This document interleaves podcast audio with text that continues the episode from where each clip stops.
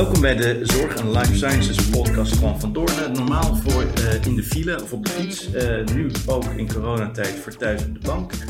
Mijn naam is Kees-Jan de Boer, advocaat marktregulering en mededinging bij Van Doorn. En vandaag is bij mij in de studio aangeschoven Corine Vernooy.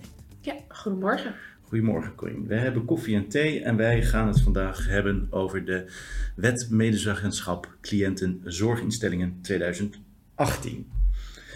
Um, dat is een nieuwe wet uh, die een oude vervangt en er verandert van alles. Uh, dat gaan wij een beetje puntsgewijs doornemen, Corine. De eerste vraag is denk ik, voor wie is dit belangrijk?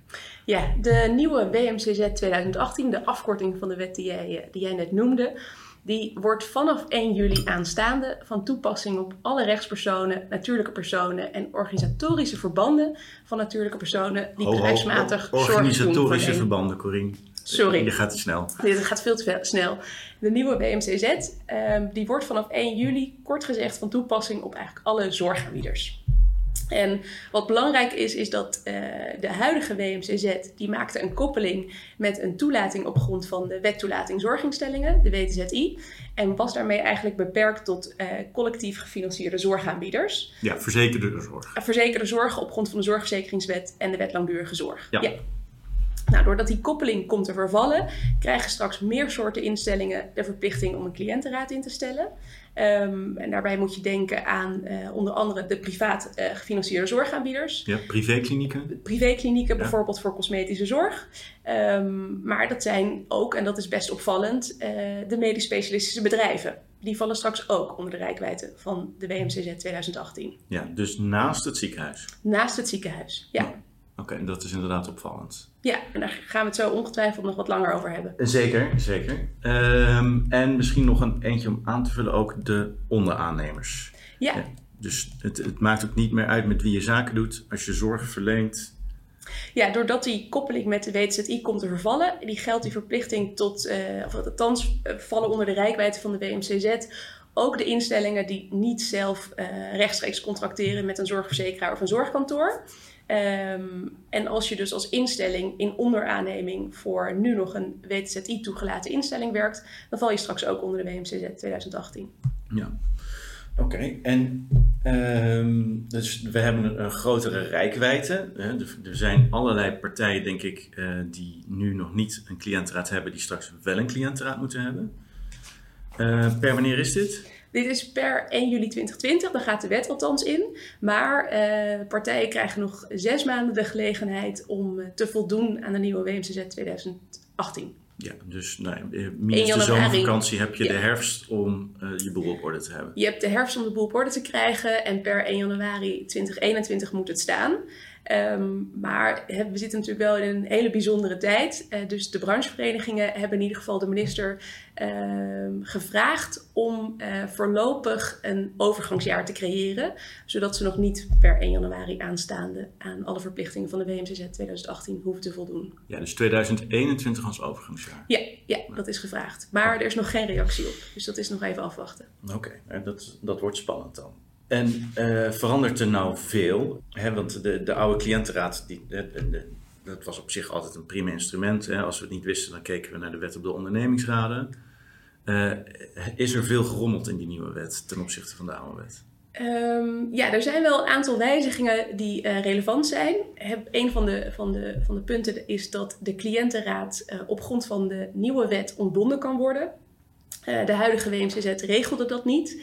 Um, en wat de nieuwe WMCZ regelt is dat um, een zorgaanbieder een cliëntenraad mag ontbinden als ze niet meer voldoet aan het getalscriterium. En dat, is, dat klinkt heel technisch.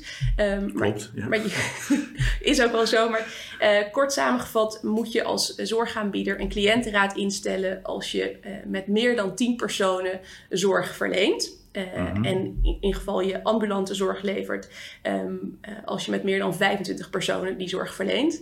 Dan kan het best zijn dat je op enig moment uh, gaat herstructureren, waardoor je gewoon structureel met minder mensen zorg gaat verlenen. En dat zijn er op enig moment bijvoorbeeld 7 of 8. Nou, in zo'n geval hoef je dus niet meer een cliëntenraad in te stellen. En dan geeft de wet de gelegenheid ook om, als je een cliëntenraad hebt, om die te ontbinden. Um, daarnaast geeft de wet nog een andere grond om de cliëntenraad te ontbinden. Dat is namelijk als die cliëntenraad structureel tekortschiet in de behartiging van de belangen van de cliënten. Oeh. Ja, dat, is best pittig. Ja. ja. En, en waar hebben we het dan over? Als, als, als er heel eenzijdig behartiging plaatsvindt van één groep, als in, als in een in een ziekenhuis alleen nog de patiënten orthopedie in de cliëntenraad zitten? Of hoe moet ik dat zien? Uh, ja, dat zou een voorbeeld kunnen zijn. Uh, maar bijvoorbeeld ook als de cliëntenraad vooral opkomt voor haar eigen belangen. Als daar bepaalde cliënten in zitten die uh, zaken geregeld willen hebben voor hun individu. En daarbij het, het, collectief uit het oog verliezen, structureel. Dan zou dat ook een grond kunnen zijn. Ja, dus als je ruzie krijgt over iets wat eigenlijk bij de klachtenfunctionaris ja. zou thuis horen bijvoorbeeld. Ja. Oké, en je zegt wat interessants over aantallen personen. Hè? Bij tien personen zorg verlenen, waar heb ik het dan over? 10 FTE? Nee, je hebt het niet over FTE, je hebt het echt over 10 personen. We zeggen eigenlijk altijd wel, je hebt het over 10 koppen. Ja, dus als je met meer dan 10 koppen zorg doet verlenen, dan geldt die verplichting om een cliëntenraad in te stellen. Ja, oké. En dan de, de receptionisten? Nou, de receptioniste die telt daar in principe niet voor mee. Maar stel je voor dat je een huisartsenpraktijk bent waar je, waarin je een uh, assistente hebt werken die ook lichte zorgtaken overneemt van de huisarts. Uh, ze, ze, neemt bijvoorbeeld, uh, ze meet de bloeddruk van een patiënt. Ja. dan telt ze wel mee. Ja, en een huisarts die co-assistenten heeft rondlopen die zorgtaken verrichten? Ja, co-assistenten tellen mee uh, als die de zorg mee doen verlenen. Maar als je het hebt over een vrijwilliger die in een VVT-instelling uh, koffie gaat drinken met cliënten, dan zal diegene weer niet meetellen. Interessant. Nou, dat betekent, maar dan zitten we eigenlijk zo aan tien. Je zit dus, vrij snel aan 10. Ja. Dus dan is eigenlijk de vraag nog wie valt er niet onder deze wet? Nou ja, misschien een keer een apotheek, een kleine huisartsenpraktijk. Uh, apotheek valt er niet onder, een hele kleine huisartsenpraktijk. Uh, maar wat wel interessant is, is dat uh, in het uitvoeringsbesluit van de WMCZ, daar zijn een aantal typen van instellingen genoemd die ook niet onder de rijkwijde van de WMCZ vallen omdat bijvoorbeeld het gelet op de aard van de zorg niet passend is dat er dermate een medezeggenschap van cliënten wordt opgetuigd. Nou, dat is bijvoorbeeld de apotheker, omdat die heel kortdurig contact heeft met een, uh, met een patiënt. Maar dat is bijvoorbeeld ook een, een lab waar bloed wordt geprikt. Ja, oké. Uh, jij zei in de voorbereiding op dit gesprek nog iets interessants over die uitzonderingen. Namelijk dat dat een uh, alles of niets uitzondering is. Misschien moeten we dat ook nog even benoemen. Ja, klopt. Want als je, stel je voor dat je 90% zorg levert die dus uitgezonderd is. En je levert 10% zorg die onder de rijkwijde van de WMCZ valt. En bijvoorbeeld omdat het medisch specialistische zorg is. Dan val je gewoon onder de hele WMCZ. Um, en dan wordt er geen knip gemaakt in het type zorg dat je, dat je levert. Ja, dus een, een apotheek die ook misschien bij het afleveren van medicatie wat wijkverpleging gaat doen, of bijvoorbeeld hè, infusen vervangen. Ik, ik, weet even niet of ik dat helemaal technisch goed zeg qua bevoegdheden. Maar dus, dus als je als apotheek probeert je dienstverlening wat uit te breiden, dan kan het dus zijn dat je daarmee allerlei wetgeving dus nu, nu aan boord gaat halen. Ja, dat is zeker mogelijk. Of bijvoorbeeld een praktijk waarin er uh, psychische hulp wordt geboden, waarbij ook een psychiater zorg gaat verlenen. Terwijl het er maar één is uh, en, en, een veel grotere groep niet. Um, ook dan kun je onder de rijkwijd van de WMCZ komen te vallen. Ja, want dan telt dus voor die tien die zorg verlenen, tellen de, die 90% van jou, daar tel je ook de 10 bij mee. Ja.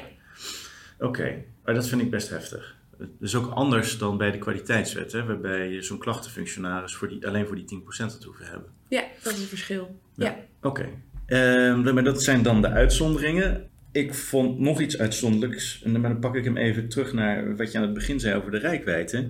Die MSB's, dat verbaast wel dat die nu in één keer een eigen cliëntenraad moeten hebben. Want wat, zat daar iets niet goed? Hè? Waarom, uh, waarom volstaat de cliëntenraad van het ziekenhuis niet? Ja, je bent niet de enige die daar verbazing over heeft geuit. Uh, ook de Federatie Medisch Specialisten heeft dat gedaan in het kader van het wetgevingsproces. En de minister heeft er wel bewust voor gekozen om de MSB's onder de rijkwijde van de WMCZ te brengen. Um, want de minister vindt het van belang dat juist ook over die besluiten van het MSB medezeggenschap wordt geboden aan de cliënt. Het FMS heeft aangegeven dat het eh, een en ander zou leiden tot onnodige lasten. Maar wat voor besluiten hebben we het over? Um, Want wat doet zo'n MSB wat het ziekenhuis het helemaal losgezongen is van het ziekenhuis en dat die cliënten daar nu niet... Nou, terecht punt, want het merendeel van de besluiten die adviesplichtig zullen zijn, hè, die zullen samenhangen met besluiten die het ziekenhuis heeft genomen, omdat een MSB natuurlijk haar zorg ook, ook deels aanpast op het zorgprofiel van een ziekenhuis bijvoorbeeld. Ja.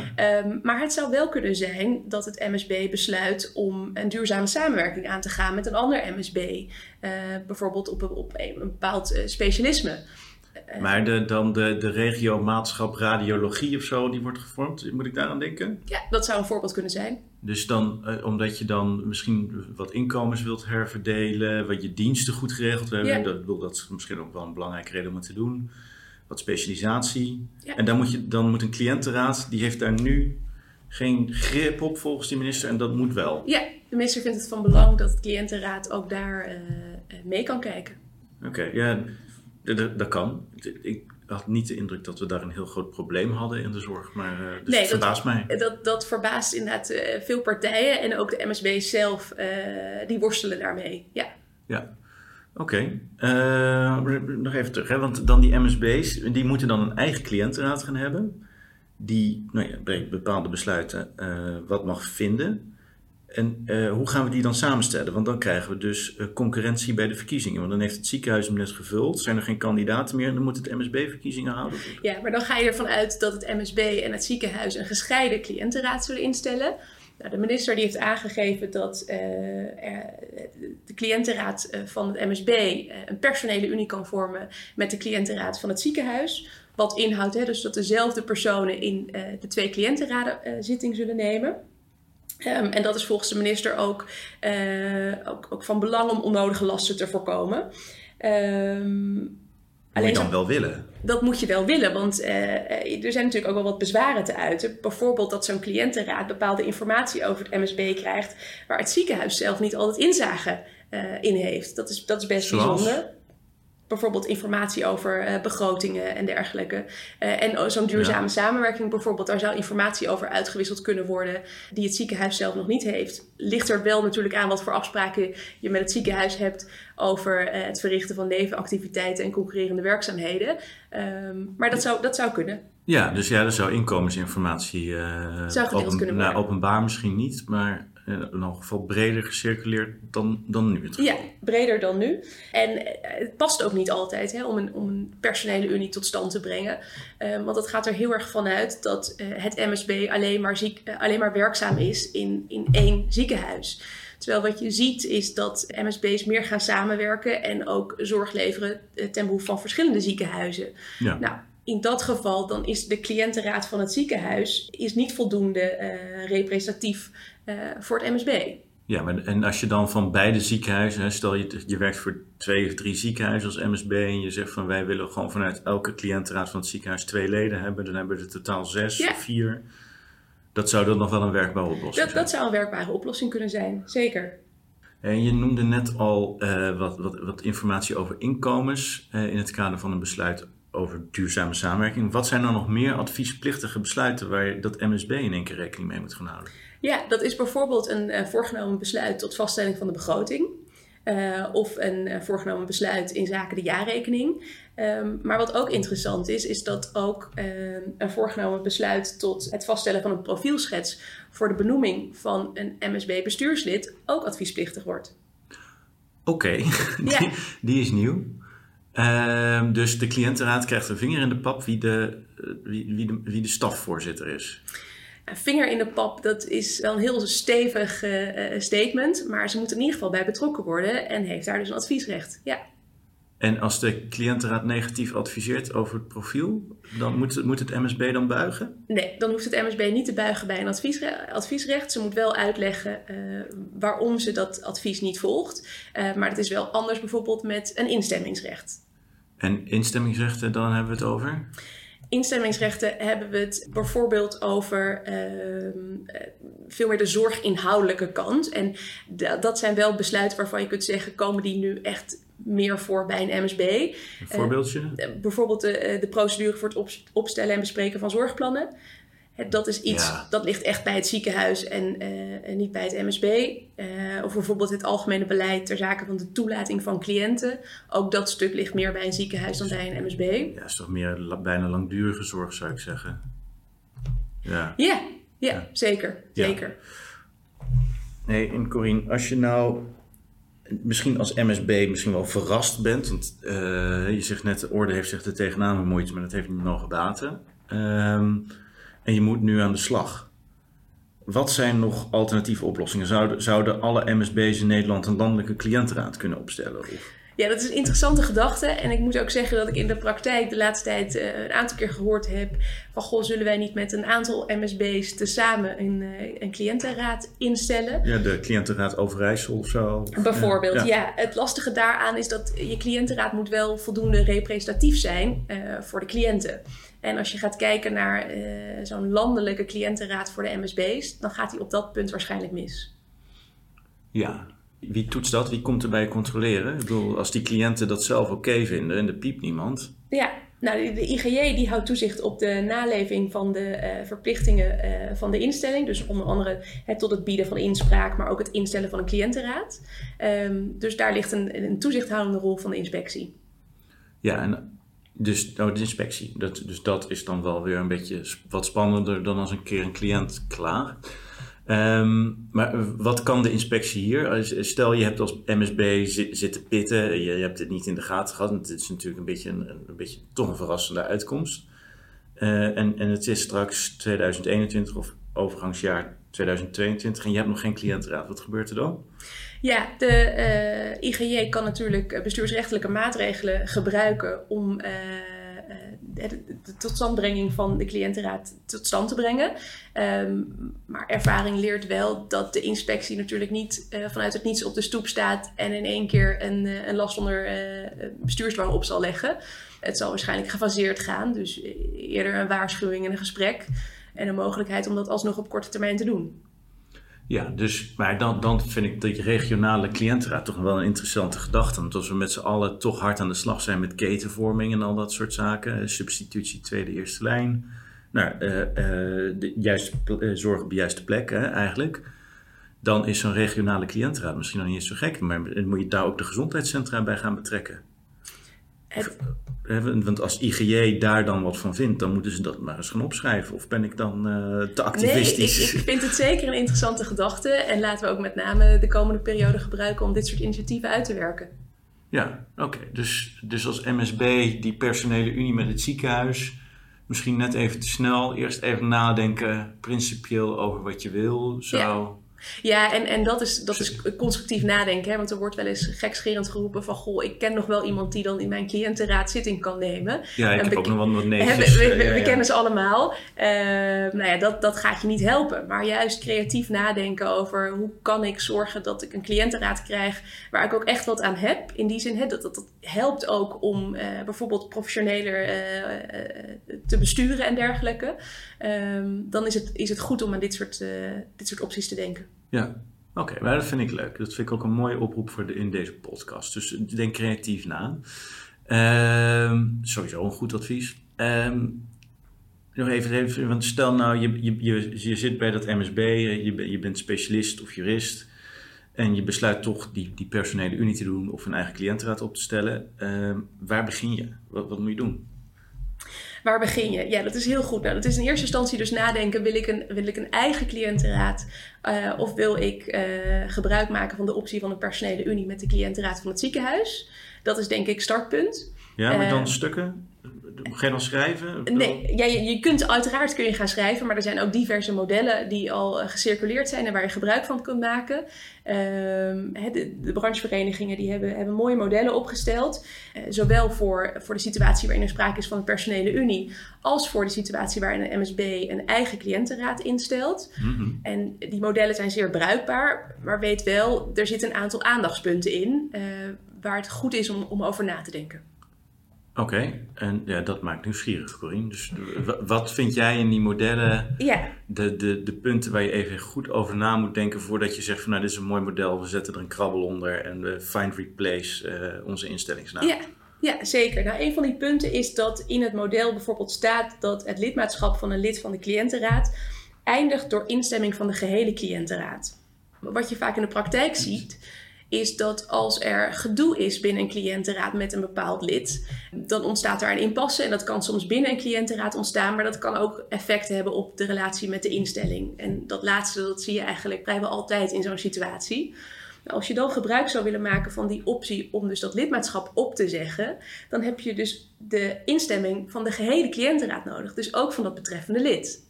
Ja, dus een dissidente lid stemt over zijn eigen ontslag. Ja. Ja. Dat is iets waar ik me zou kunnen voorstellen dat je denkt: Goh, is dat nou iets wat we moeten opnemen of kunnen we daar niet iets anders voor bedenken? Ja, dat, ja, dat kan potentieel een klokkenleider beschermen. Ja. Maar de vraag is of dat het uitgangspunt moet zijn. Zeker. En zijn er niet andere manieren om die positie te borgen? Ja. ja. Dat, vind ik een goed punt. Het, hetzelfde geldt bijvoorbeeld ook dat uh, in die modellen staat dat de cliëntenraad, de raad van bestuur en het MSB-bestuur uh, gezamenlijk bepalen wie het besluit tot ontslag neemt en wie dat, wie dat besluit aanzegt. Nou, daar zit een verbondenheid in tussen cliëntenraad, raad van bestuur en MSB-bestuur waarvan ik me ook zou kunnen voorstellen dat in geval van een impasse, dat je daar ook niet met elkaar uitkomt. Ja, precies. Dus het model gaat uit van een gezamenlijkheid, wat natuurlijk denk ik ook de, de, het uitgangspunt moet zijn. Ja. Maar je schrijft deze clausules niet voor een situatie waarin er gezamenlijkheid is. Nee, het is eigenlijk hetzelfde als, als, als dat je een normale overeenkomst uh, uh, schrijft of aangaat. En dat doe je altijd met alle goede bedoelingen. En op het moment dat je elkaar uh, hartstikke leuk vindt en zin hebt om met elkaar aan de slag te gaan. Maar je schrijft ze uiteindelijk voor de situatie waarin die goede bedoelingen over en weer ehm, ja, toch niet zijn uitgekomen. Ja. Oké, dus, dus jouw oproep is uh, samengevat. Hè? Lees dat model nog eens heel erg aandachtig door. En bedenk, uh, stel het niet klakkeloos vast als je eigen model. Ja, ga goed na. Is dit ook uh, zoals wij met elkaar willen omgaan? Ja, het is een basis, maar, maar niet het eindpunt. Nee.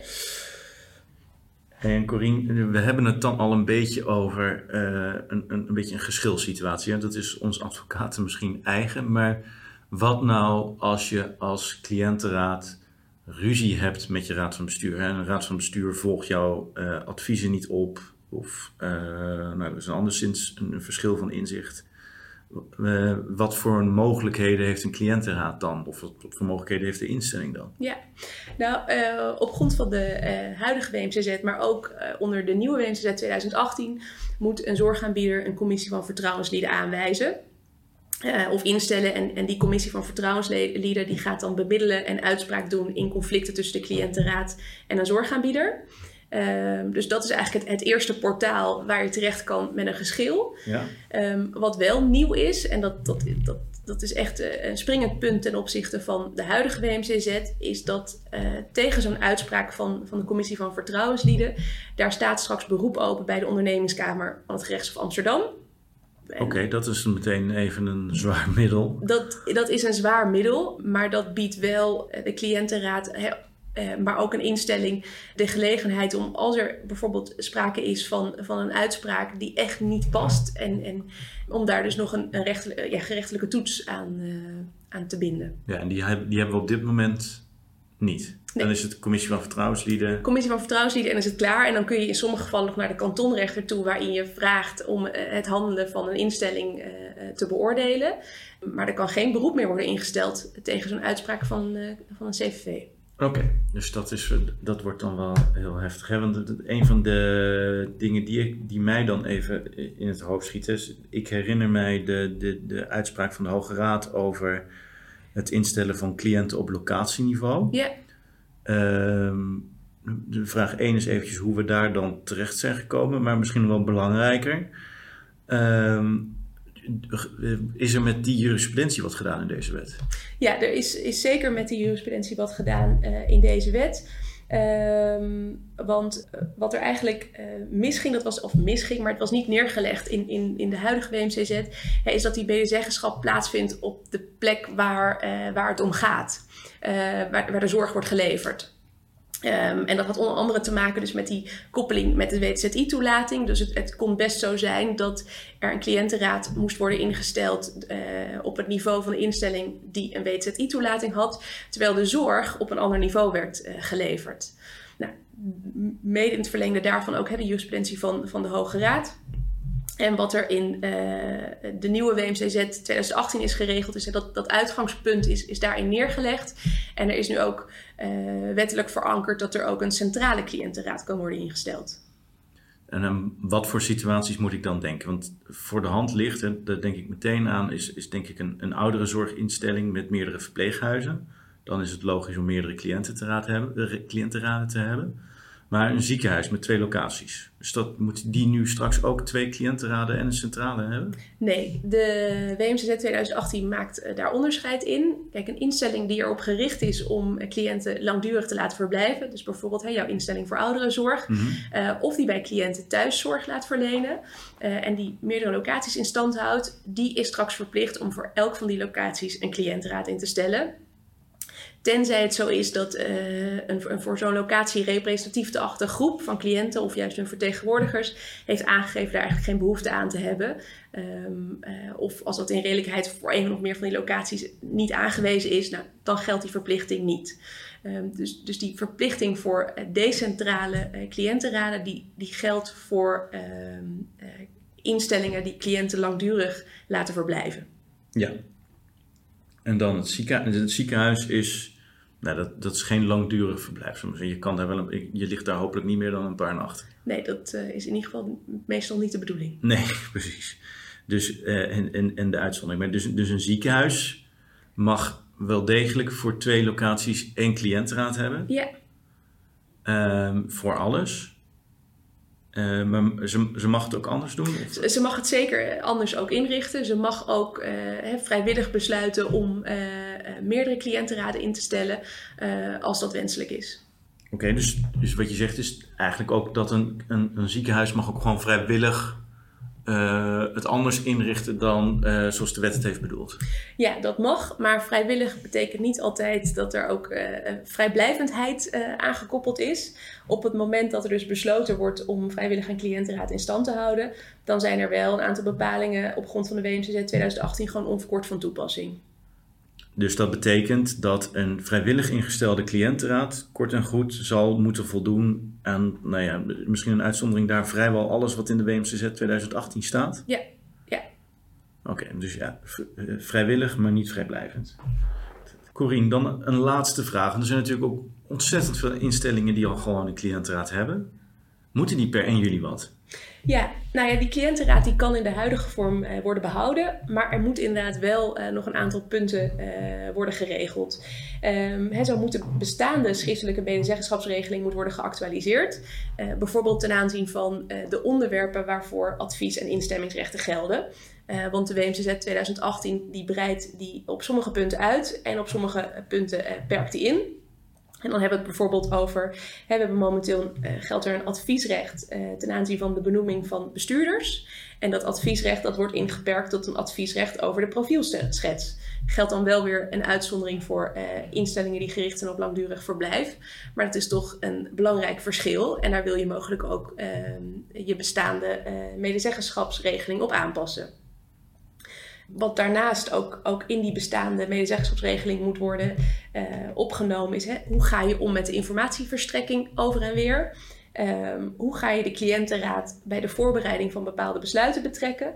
En wellicht wil je ook een afspraak maken over een budget voor uh, het declareren van kosten die de cliëntenraad maakt. Ja, dat is ook een onderwerp wat nu nieuw is. Hè? Dus, dat is nieuw, ja, ja zeker.